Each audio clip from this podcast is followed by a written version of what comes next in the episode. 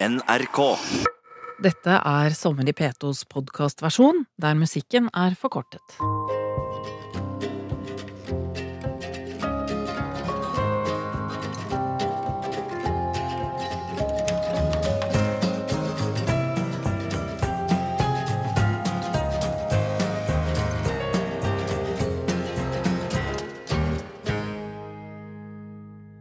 Drømmer du om et liv på landet? Hvor det er langt mellom husene og milevis til nærmeste motorvei? Eller vil du leve livet i forstaden med stort hus og svømmebasseng? Beklager å måtte si det, men den romantiske drømmen bør du faktisk legge på hylla. Suburbia tilhører snart fortiden. Som FNs klimapanel har advart om, ser det svart ut for en million av klodens plante- og dyrearter. Og det ser jammen ikke så lyst ut for oss heller. Løsningen, den ligger i byene. Vi mennesker bør klumpe oss sammen og avsette halve jorda til naturen. En utfordrende påstand, men la meg få en sjanse til å fortelle hvorfor jeg kommer med den. Mitt navn er Astrid Norang. Jeg vokste opp i rekkehus Suburbia og har bodd mange gode år på landet. Men i mitt sommer i P2 skal jeg slå et slag for byene. Jeg er forfatter og oversetter, og de siste årene har jeg holdt foredrag om hvordan litteraturen kan skildre klimaendringer med andre ord og bilder enn de vi får i nyhetene. Jeg er også engasjert i det som kalles smartbyer. Hva er en smartby? Det er en by som utnytter ressursene effektivt, tar høyde for større urbanisering og en økende befolkning, og bruker teknologiske nyvinninger til å finne, ja, stadig smartere løsninger. Med smartbyer skal vi nå FNs bærekraftsmål innen 2030. Det er det året vi har fått som deadline til å endre kursen, om ikke kloden skal bli forandret på uopprettelig vis. Det innebærer alt fra infrastruktur for vann, bygg, energi til helse og mobilitet. Men hva med kulturen? Har de tenkt på det, de sosiale entreprenørene? Det trenger ikke å være så avskrekkende å bo mer vertikalt. Vi vil fremdeles ha et strandliv, park og grøntområder, side om side med et yrende kaféliv. Men endringer vil det bli. Kanskje vi vil se minikyr beite i parker? Offentlig transport på magnetiske skinner? Byskog på større hustak? Vi blir uansett nødt til å frigi mer av jorda til de andre artene, så villmarka får restituert seg i fred. Så velkommen til mitt urbane sommer i P2. Den første låta jeg vil spille, er hentet fra Parallel Lines av New York-bandet Blondie, som gjorde meg til blodfan da jeg var 14. Låta heter 1159. Leaning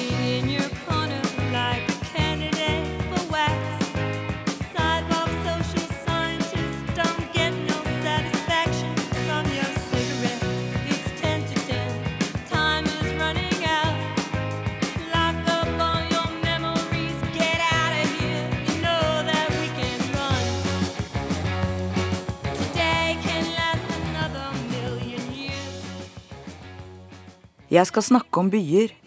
Siden jeg oversetter bøker fra tysk og italiensk, har jeg i løpet av mitt voksne liv fått et spesielt forhold til de to hovedstedene Roma og Berlin. Så ulike og så tiltrekkende på hver sin måte. Også Oslo, da. Jeg er veldig glad i mitt eget Oslo. Men jeg begynner et annet sted. Jeg vokste opp på 70-tallet i en nybygd rekkehuslandsby i Asker. Da E18 kom, ble det raskt en forstad til Oslo, og i dag kan du knapt bo mer eksklusivt. Jeg vokste opp i en utopi, for ute i gata var det alltid noen unger, og alt vi trengte var et kritt og en ball til å kappe land, spille boksengård og dødball. Det demret nok at bakgrunnen vår var ulik, men betingelsene våre var mer eller mindre like. Vi arvet hverandres klær, og tradisjoner var noe foreldrene hadde lagt igjen der de kom fra. Ingen snakket om politikk eller religion. Siden har jeg tenkt at det kanskje var et savn, det at vi ikke hadde noe felles prosjekt. En fabrikk å samles om, et fotballag, eller bare en sang om fjorden, baby. Men ingen var fiskere, ingen var bønder eller håndverkere. Foreldrene våre var kontorslitere, og vi ble nøkkelbarn. Det fristilte oss. Vi lærte å lage torosuppe, vi lærte å lage oss selv. Faren min tok meg med på fottur i Jotunheimen, i feriene dro vi på hytta i Telemark, en hytte uten innlagt vann og strøm, eller vi var på bilferie til Vestlandet, Danmark, Tyskland og Polen. Da vi ble ti–elleve år gamle, snek venninna mi og jeg oss inn til byen, rett til platebaren på Sten og Strøm, der vi hørte på The Beatles i hver vår hodetelefon. Hver generasjon må jo oppdage Beatles igjen. Etter hvert fikk vi venninnene lørdagsjobb, jeg i en papirhandel på Sagene. Etter jobben tok jeg bussen ned til Egertorget, hvor jeg fikk stukket noen punkesingler i hånda eller kjøpte Gateavisa, der jeg leste om Snuten som hadde gjort razzia i en okkupert leilighet, om TV som var kastet ut av vinduet. Noen ganger så jeg onkelen min stå og selge Klassekampen. Klassekampen! ropte han. Kom og kjøp! Og langsomt vokste et annet Oslo fram. En by med klassebevissthet og opptøyer natt til 1. mai, med harde sammenstøt mellom blitsere og politi. Det var et annet samfunn enn det vi så fra Vikaterrassen, der askefolket begynte å trekke inn til byen for noen halvlitere. Så jeg flyttet til byen og oppdaget flere bydeler, Tøyen og Grønland, der Christian Krogs Albertine vokste opp. Hun vi kan se på maleriet inne på politiets legekontor for en underlivssjekk. Hun bodde i et av de lave, små husene bak grønlandsleiret, med en tuberkuløs bror og en mor som var blitt nærsynt av all syingen. Siden bosatte jeg meg i gamlebyen med han som skulle bli faren til mitt første barn. Den gang lå det et lokk med en firefelts motorvei over hele Middelalderparken. Før bybevisstheten fikk byrådet til å fjerne det og framheve ruinene av Mariakirken, anlegge en innsjø og gi det opprinnelige Oslo tilbake til innbyggerne. Ingen av vennene mine ble med til byen. De bosatte seg i Asker, seilte jorda rundt eller studerte utenlands. Men én ting hadde vi til felles, og det var musikkfestivalen på Kalvøya, forløperen til dagens Øyafestival, som i mange år ble arrangert i nettopp Middelalderparken. Tenårene besto av en rekke konserter, fra Barbie Benton til Frank Zappa, Neil Young og David Bowie. I Oslo startet gullalderen med De Lillos, med DumDum Boys og Jokke. Her er Jokke og Valentinerne med Action fra albumet Alt kan repareres.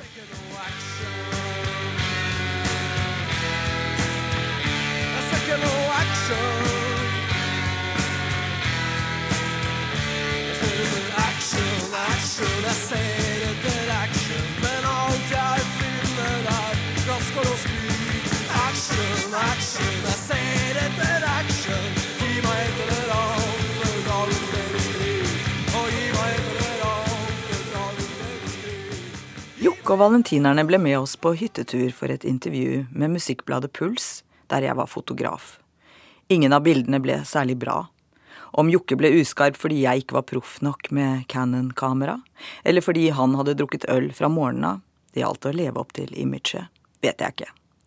Han var en fin poet, Jokke. For mange mennesker er han selve inkarnasjonen av Oslo på 80- slash 90-tallet. Men byen hadde mange stemmer. Vi vanket på Sardines og Waterfront og en rekke andre steder. Det var også diskusjoner om politikk og kultur, ofte så kompromissløse at jeg måtte slutte å si jeg jobbet i Dagbladet ved siden av studiene. Hæ, prostituerer du deg for den blekka der? På den tiden var Dagbladet den ledende kulturavisa. Men tabloidisering og kontaktannonser gjorde den til avisa man elsket å hate. Akkurat som Oslo, som ble utskjelt som en evig byggeplass. For tonen var en litt annen da. Det var ikke Oslo og ha en fin dag, det var hard asfalt og faen så kjipt. En tid da ethvert dikt med respekt for seg selv hadde ordet neon i seg, som dette av Cindy Haug og Gene Dalby i en diktsamling kalt Elektrisk ereksjon. Voodoo Child vandrer rastløst under neonlampettene. Så begynte vi med frigruppeteater. Øvingslokalet på Tøyen var det gamle studioet til Arne Bendiksen, med gjenglemte opptak av blant annet Kirsti Sparbo. Vi spilte Strindberg og Tsjekhov på Blackbox og Kafé Nordrock. Nordrock ble også et viktig sted for litteratur, som var det beitet jeg gikk over til. Parallelt med alt dette hadde vi jappetiden. De siste utedassene på Grünerløkka forsvant, gentrifiseringen sørget for flere kafeer enn gamle Grüner og Kjøkkenhagen, og det var ikke lenger flaut å flashe penger. Stemningen skiftet i takt med at den sure nedbøren liksom ble avblåst. Og da det ble slutt på den kalde krigen, løste også skogdøden seg opp, og ozonhullet ble lappet på. Verden spant inn i en ny framtidsoptimisme. Men jeg synes Oslo er blitt en bedre by å bo i. Gradvis er Fjordpromenaden blitt åpnet. Vi en proff og rikholdig kunst- og litteraturscene. Vi har barer som i Barcelona. Og hvilken storby har vel badstue og badeplass midt i byen, med Marka en trikketur unna? Du kan være med på villblomstvandring i byen, og der jeg bor, på Galgeberg, dyrkes det grønnsaker i kasser langs veien. Forsyn deg, står det. Da får jeg en forsmak på hvordan en smartby kan fungere. Den vil bli grønnere. Med nærdyrka produkter og andelslag som feter opp og slakter grisen når tiden er inne. Vi vil bli locavores. Ikke hørt det før? Det er nytt for meg også. Det betyr lokalspisere. Jeg heter Astrid Norang. Jeg er forfatter og snakker om byer her i Sommer i P2. Om hvordan vi ser for oss framtiden. Jeg var også med å starte Klimasøksmål Arktis for å stanse oljeletingen i nord. Et søksmål som ble startet av en allianse med jurister, forfattere, besteforeldre, studenter og miljøorganisasjoner, inntil det ble besluttet at Greenpeace og Natur og Ungdom skulle føre selve søksmålet. De mange konsesjonene staten har gitt til oljeleting i Arktis, lenger nord og nærmere land enn noensinne, dypere enn noensinne, med større risiko for mennesker og oljesøl enn noensinne, er uhørte.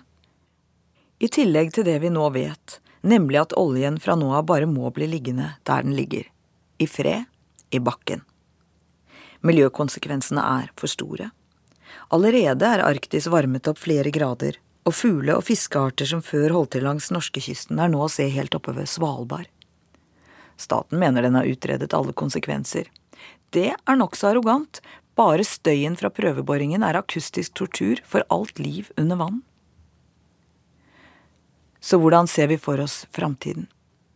Det er her jeg kommer til dette med byer, for biolog Edward O. Wilson kom i fjor med en bok kalt Half Earth, hvor han skildrer en forbløffende enkel og samtidig komplisert løsning. Med sirlige tegninger av hvert habitat går han gjennom artsfamiliene og konkluderer med at vi må sette av halve kloden til utmark. Ikke som rekreasjonsområde for oss, de må være forbeholdt de andre artene. Vi er i dag dobbelt så mange mennesker som for 50 år siden, og skal vi overleve og leve godt på denne planeten, må vi bruke vår styrke, fleksibilitet. Byene er som knuter i nettet, skriver han. De er vitale, men de er bare en del av det store nettet. Det gir ingen mening å snakke om knuter isolert sett når det er hele nettet vi snakker om. Skal vi bevare naturen, må vi befolke knutene og styrke dem. Vi mennesker har jo bodd i byer siden vi fant opp jordbruket. Det viser også hvor tett natur og by er knyttet sammen. Byer fungerer ikke uten jordbruk, så selvgående er de ikke, men vi kan ikke fortsette å breie oss så langt utover med hogst, veier på kryss og tvers, gjennom naturen, forurensning av sjø og elver og krympe habitatene til alt annet liv. Halve jorda, sier Wilson, bare la halve jorda være. La havene få hvile. De er blitt jordas søppelfylling, samtidig som de sørger for en tredjedel av maten vår. Byer er håpet. Jeg syns dette er radikalt og forfriskende. Det er ikke noe galt med landet. Det er ikke noe galt det ville bo godt med nærhet til naturen. I Norge er vi vant til å leve spredt. Vi tar det for gitt at naturen skal være tilgjengelig overalt. Men vi har forsvinnende lite tilbake av det som faktisk defineres som villmark. Få steder ligger nemlig langt unna en vei. Scooter, firehjulinger, helikoptre og sjøfly invaderer dyras habitater snart også vindturbiner. På landet må du ha flere biler, i tillegg til traktor og gjerne også en ATV. Så i et økologisk perspektiv står bygd og forsteder for den største sløsingen med ressursene. Min egen rekkehusoppvekst vil kanskje bli en saga blått. Rewilding er jo ikke et nytt begrep. Det vil si å tilbakeføre naturen til sin opprinnelige tilstand, for å motvirke menneskeskapte endringer. Etter å ha ignorert næringskjeder og økosystemer er handlingsrommet i ferd med å lukke seg. Men hvis vi gjør som Wilson sier, og trekker inn til byene, vil det kunne gå. Byene dekker ca. 3% av jordas overflate, og står for omtrent 60-70% av forurensningen. Er det ikke på tide å nylese rettighetene våre på jorda? At vi har eh, jordbruk rundt byene og sørger for at naturen får være i fred?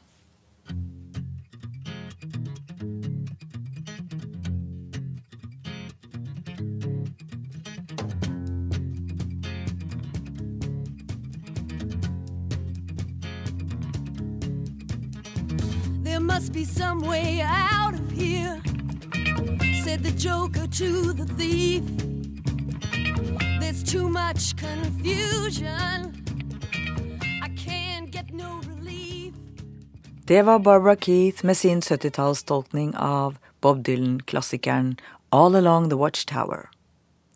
Litteraturen kan hjelpe oss å se andre typer scenarioer og annen type liv. I de siste årene har vi sett science fiction og dystopier gjøre sitt inntog i TV-serier og i litteraturen. Vi ser også en trend med å gå inn i andre bevisstheter. Gradvis gir vi slipp på den biosentriske fortellingen der mennesket er livets målestokk. Eller motsatt, at vi forsøker å se oss selv med dyreblikk. I våres leste jeg en bok av den østerrikske forfatteren Teresa Preauer, som skildrer en tenåring med ADHD og atferdsvansker. Selv identifiserer han seg med en ape.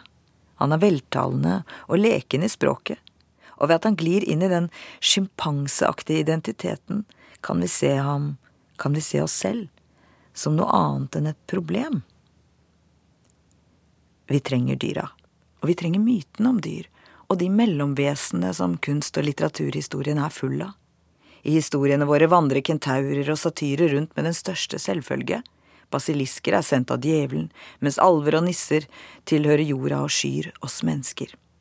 De egger fantasien vår, gir oss nye verdener, mellomverdener som åpner opp forestillingsevnen. Og hvis vi greier å se for oss dem, må vi vel også kunne se for oss alternative løsninger. Hva hadde vel Roma vært uten myten om at byen ble grunnlagt av to gutter som ble diet av en ulvinne? Og i antikkens Roma søkte man politiske råd i dyras innvoller og i formasjonene som stærflokkene dannet over Tiberen. Det forteller oss at vi alltid har lest naturen som tegn, og lest naturen inn i samfunnsstrukturen vår. Poeten, lingvisten og filmskaperen Pier Paolo Pasolini skriver i et av diktene som jeg har oversatt, mennesket vil aldri kunne tilpasse seg samfunnet. Hva mener han med det? Det er jo et paradoks.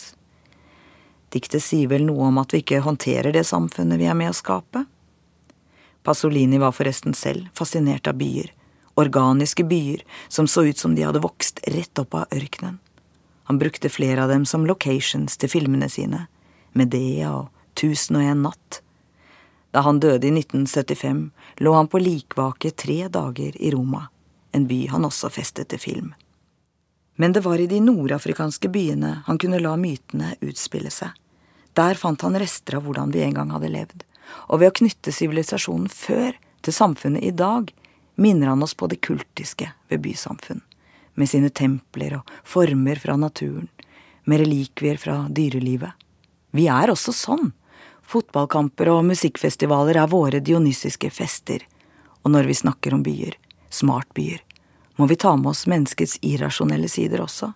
Naturen må bli med inn i byen. For en smart by er ikke bare solcellepanel, ladestasjoner og trafikkovervåkning. Når vi reiser til byer, er det nettopp for å gå oss vill, se avleiringene gjennom tidene, med blindveier og trapper og plasser som plutselig åpenbarer seg. I Italo Calvinos usynlige byer har hver by sitt unike preg, det er sølvbyer og det er granatbyer. I virkelighetens Roma ser du travle nonner gå fem og seks i bredden, tett fulgt av lettkledde jenter. På vei ned fra Kapitolhøyden kan du rusle ned til den jødiske gettoen med den fine skilpaddefontenen, passere Torre Argentina, der bare katter får spankulere mellom ruinene, og smyge deg bort til Campo dei Fiori, der statuen av Giordano Bruno, han med hetta over hodet, som ble brent på kjetterbålet, troner. Kanskje ser du markedet bli pakket ned og plassen spylt for grønnsaksrester, så du får øye på alt det andre plassen har å by på. En kino som viser filmklassikere, en bokhandel med noen nye og flest eldre bøker, en ostebutikk og trendy kafeer, før du slår inn på Via Pellegrino og får se noen av de utallige verkstedene som holder til i noen høl i veggen. Her kan du få trukket om stoler, lagd stukkaturer. Men om Roma var en by av tre som keiser Augustus etterlot som en by av marmor, som han skrøt av, er den ikke stivnet i turismens monumenter og gamle fontener. De to museene for moderne kunst, for eksempel, har en arkitektur som gir deg bakoversveis, og en rekke gallerier viser at alle veier fremdeles fører til Roma.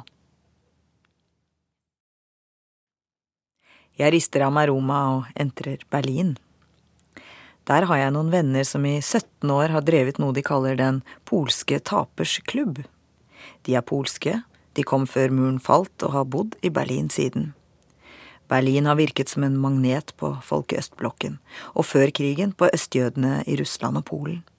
De forlot sine statels for å søke lykken et annet sted. Med tiden ble de også fordrevet. Etter at Vest-Tyskland var en saga blått, er det amerikanere og vesteuropeere som strømmer til byen, og skandinaver. Nordmenn danner en aldri så liten koloni i Berlin. Denne tilstrømmingen er ikke bare lett for berlinere selv, som merker at boligprisene skyter i været. Apropos natur i byen. Min mors fetter var skogvokter i Berlin. Ikke i utkanten, nei, midt i byen, sør for Tegel. Da jeg var tenåring, vanket det villsvinsteik for å holde bestanden nede. Berlin har flere skoger, og vil du se en storslagen park fra sovjettiden, bør du dra til Treptower park. En tolv meter høy statue av en sovjetisk soldat med sverd i den ene hånden og et tysk barn han reddet i den andre, står på en høyde, og ved siden av foten som knuser svastika-symbolet, finner du inngangen til et lite, ja, det nær sagt tempel, men det er selvfølgelig et rom til minne om de 7000 falne russiske soldatene som ligger begravd i området. Parken har 16 store sarkofager og andre minnesmerker, og mellom dem brettet altså DDR-borgerne ut piknikteppet på søndagene. I vest finner du en park som er like liten og bortgjemt som den i øst er monumental, oppkalt etter Nelly Sachs. Den tysk-jødiske dikteren som flyktet til Sverige bare dager før hun skulle deporteres. Hun, som var tysk så god som noen, fikk brutalt merke at hun var jødisk den dagen SS og SA-offiserer troppet opp i huset deres og lot konene plukke fritt fra møbler, pelskåper og servise. At hun kom seg til Sverige, kunne hun takke Selma Lagerlöf for, og siden skulle hun selv motta nobelprisen i litteratur i 1966. Hun studerte kabbalaen og startet et nytt forfatterskap i Stockholm, og kvitterte for svenskenes gjestfrihet med å gjendikte svenske poeter til tysk. Hun er lite kjent i Tyskland i dag, men en park har hun også fått oppkalt etter seg, med paviljong og piletrær som speiler seg i Karpedammen. Karpefiskene holder seg i stim, som en gyllen pil skyter de gjennom vannet. I trærne kvitrer fuglene, og den tredje arten sitter på benkene og drikker vodka fra en papirpose. Berlin er forresten med i en kåring om beste smartby. Den er super og i, har mange sjarmerende bydeler og kanaler og en stor innsjø. Og vil du svømme og dampe bort gatestøv i badstue med Aufguss, finner du en oversikt over de fineste nyklassisistiske badene på nettet. Øl og is og doppel kebab får du overalt. En forfatterkollega av meg kalte byen et eneste stort museum over annen verdenskrig, men den er alt annet enn museal. Brechts gamle teater spiller fortsatt aktuelle stykker der. Brecht sa mye som kan siteres. Men i denne sammenhengen, med klimakrisen vi er inne i, velger jeg dette. Den som kjemper, kan tape. Den som ikke kjemper, har alt tapt. Her er Laura Marling, What He Wrote.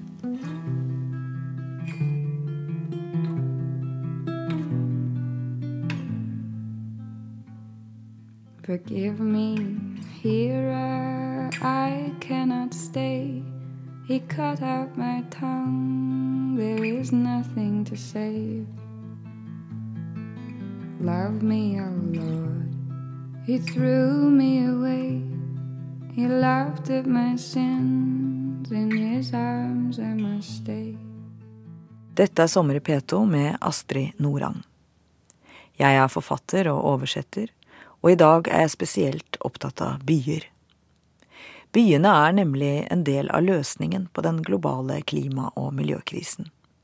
Jeg har vært tilbake til mitt eget åttitalls Oslo, jeg har vært en tur innom antikkens Roma og nåtidens Berlin. Byer er som snøfnugg, ingen er like. De er vårt habitat. Det Burde tegnes inn i boka Half Earth, som jeg har nevnt tidligere i programmet, der biolog Wilson argumenterer for at mennesker trekker inn til byen og overlater halve jorda til resten av artene. Det er konsekvensen av at vi har klusset med jorda på så mange nivåer, og er i ferd med å utrydde en million arter. Et antall, sier Wilson, som må dobles, da vi antagelig bare kjenner til halvparten av dem. Vi tror vi har kartlagt alt, sånn at hver nyhet om oppdagelsen av en hittil ukjent art virker oppsiktsvekkende, som en bonus på lista. Men arbeidet er langt fra fullført. Det biologiske mangfoldet er ikke som kartet, der det ikke er hvite flekker tilbake. Og når vi vet det, blir verden spennende igjen. Det er ennå så mye å oppdage. Og det er nok en grunn til å gi mangfoldet albuerom. Biotopen by er heller ikke uttømt, for byer endrer seg. Det samme gjør yrker. På et antikvariat i Berlin kjøpte jeg en bok med tegninger av jobber og yrkestitler fra eldre tider, som saksesliper, hundeholder, bøklingselgerske, våpenvokter, fiskekone og skreddermamsell. Bli by, sier jeg bare. La dem befolkes med birøktere, fugledresserere og gjetere. På sosiale medier har jeg merket meg at noen irriterer seg over løvblåseren og ønsker seg kosteren tilbake. Vi savner de gamle lydene. Vi savner typene, originalene og utskuddene. I byene er vi jo blitt smartere, mer strømlinjeformet. Og hvem sier at alle byer må være storbyer? FNs habitatkonferanser med sitt fokus på smartbyer, for å sikre ressurser nok til å lade batteriene våre til blant annet elbiler, tar til orde for mindre sentra. Det nye begrepet er polysentrisme, flere byer i klynger. En idealby er da på rundt 200 000 innbyggere. Det er jo rene landsbyen. Og du må ikke bo i blokk. Du kan også bo på elva, på en kanal. I halvannet år bodde jeg selv på fjorden i Oslo. Vi var en familie på fem som våknet til måkeskrik, sovnet til lyden av strekkfisk og spiste middag til bølgene fra danskebåten. Sentrum var en sykkeltur unna, forbi kongens kuer. Ja, naturen er også byen. Byen er også fjorden, baby. Med selvfisket til middag. Bare ikke and, det spiste vi ikke. Her er PJ Harvey, A Place Called Home, fra Stories from the City, Stories from the Sea. One day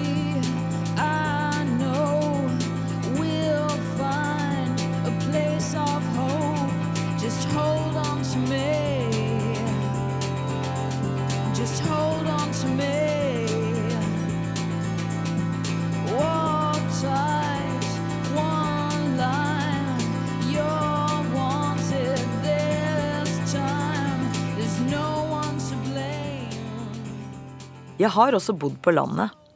I sju år bodde vi ved Tyrifjorden, på et nedlagt småbruk som vi bygde om til boliger og garasjer. Vakrere landskap finner du knapt, og Modum kommune legger til rette for et levende kulturlandskap med småbønder og gårdsutsalg. Det er mange som vil gjøre som oss. Flytte ut av byen, bort fra stress og mas og finne roen. Det mest søkte ordet på finn.no sine eiendomssider er nettopp småbruk. Henry David Thoreaus bok om sine to år i skogen, Walden, er i vinden som aldri før. Han var nok en naturromantiker, men han så det like fullt som en forbannelse å arve en gård. Den er lettere å skaffe seg enn å bli kvitt. skriver han. Men i dag, med mulighetene for en mer fleksibel jobbhverdag, er det fristende å flytte ut. Tenke at ungene får et forhold til naturen, at de blir rewilded, så å si. Jo, det fungerte for oss et stykke på vei, men da barna ble tenåringer, var de vanskelig å få bort fra dataskjermen, og vi endte selv med nesa nedi den. Det var en idyll, med strandlinje, en masse skau og egen septiktank. Vi fablet til og med om et lite kraftanlegg, og tobakksdyrking på åsen, der kyra og sauene går på sommerbeite. Men landet, hva er det egentlig i dag? Hvor mange flere bærturer går du enn om du bor i byen? Livet på landet er også isolasjon og enda mer dataspill, mens rådyra og elgen tusler ubemerket forbi verandaen. Periferien er blitt det nye suburbia, der landbruket er subsidiert og sprøytet, og fritiden preget av utstyrshysteri og kjøring. Kjøring til og fra trening, kjøring til og fra jobb. Og så flytter ungene inn til byen for å studere, for å finne seg jobb. Hjerneflukten er et problem. Eller kanskje jeg heller skulle si jenteflukten, for gutta blir ofte igjen og bygger hus. Så du mener fortsatt at Wilsons idé om å stue oss inn i byer virker fjern? Den provoserende tittelen Half Earth kan kanskje virke ekstrem. Men konseptet kan gi oss en ny orientering mot løsningen på den sjette masseutryddelsen. Man har lenge snakket om distriktene som avfolkes. Det skjer i hele verden. Hva om vi klarer å se disse stedene som fruktbare, ikke bare triste og fraflyttede? Disse folketomme stedene kan bli habitat for andre, og sørge for visse ressurser til byen. Og som sagt, det skjer allerede. I fjor bodde for første gang i historien halvparten av jordas befolkning i byer, mens tallet var 10% i år 2000. I 2050 mener man tallet vil være 70% Vi må med andre ord droppe det romantiserte bildet av landet og stille krav til byutviklere.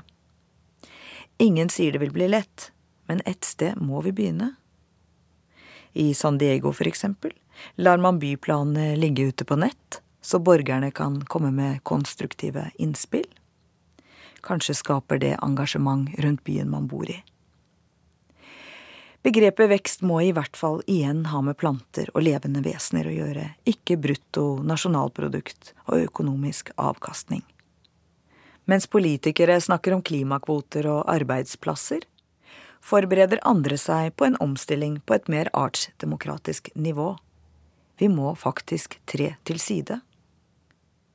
Jeg avslutter med å la ungdommen komme til orde i en kort låt om byen, skapt i en by som låner dem øvingslokaler, oppmuntrer til gigs, en punka hyllest til Oslos hovedåre. At musikken reproduseres og trives i Oslo, er ikke vanskelig å høre. Takk for meg, P2. Her er det pur unge Oslo-bandet Postpone med låta Karl Johan. Klokka ti på Karl Johan en onsdagskveld. Julevis i du kødder med meg men jeg går en nær. Du må på do. Gruppefolk spiller mens vi stirrer.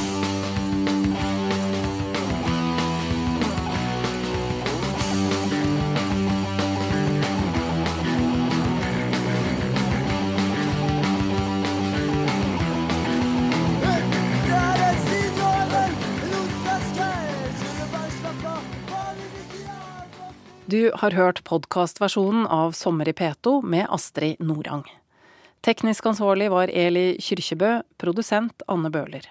Fullversjonen med all musikken finner du på NRK radio på mobil, nettbrett eller PC.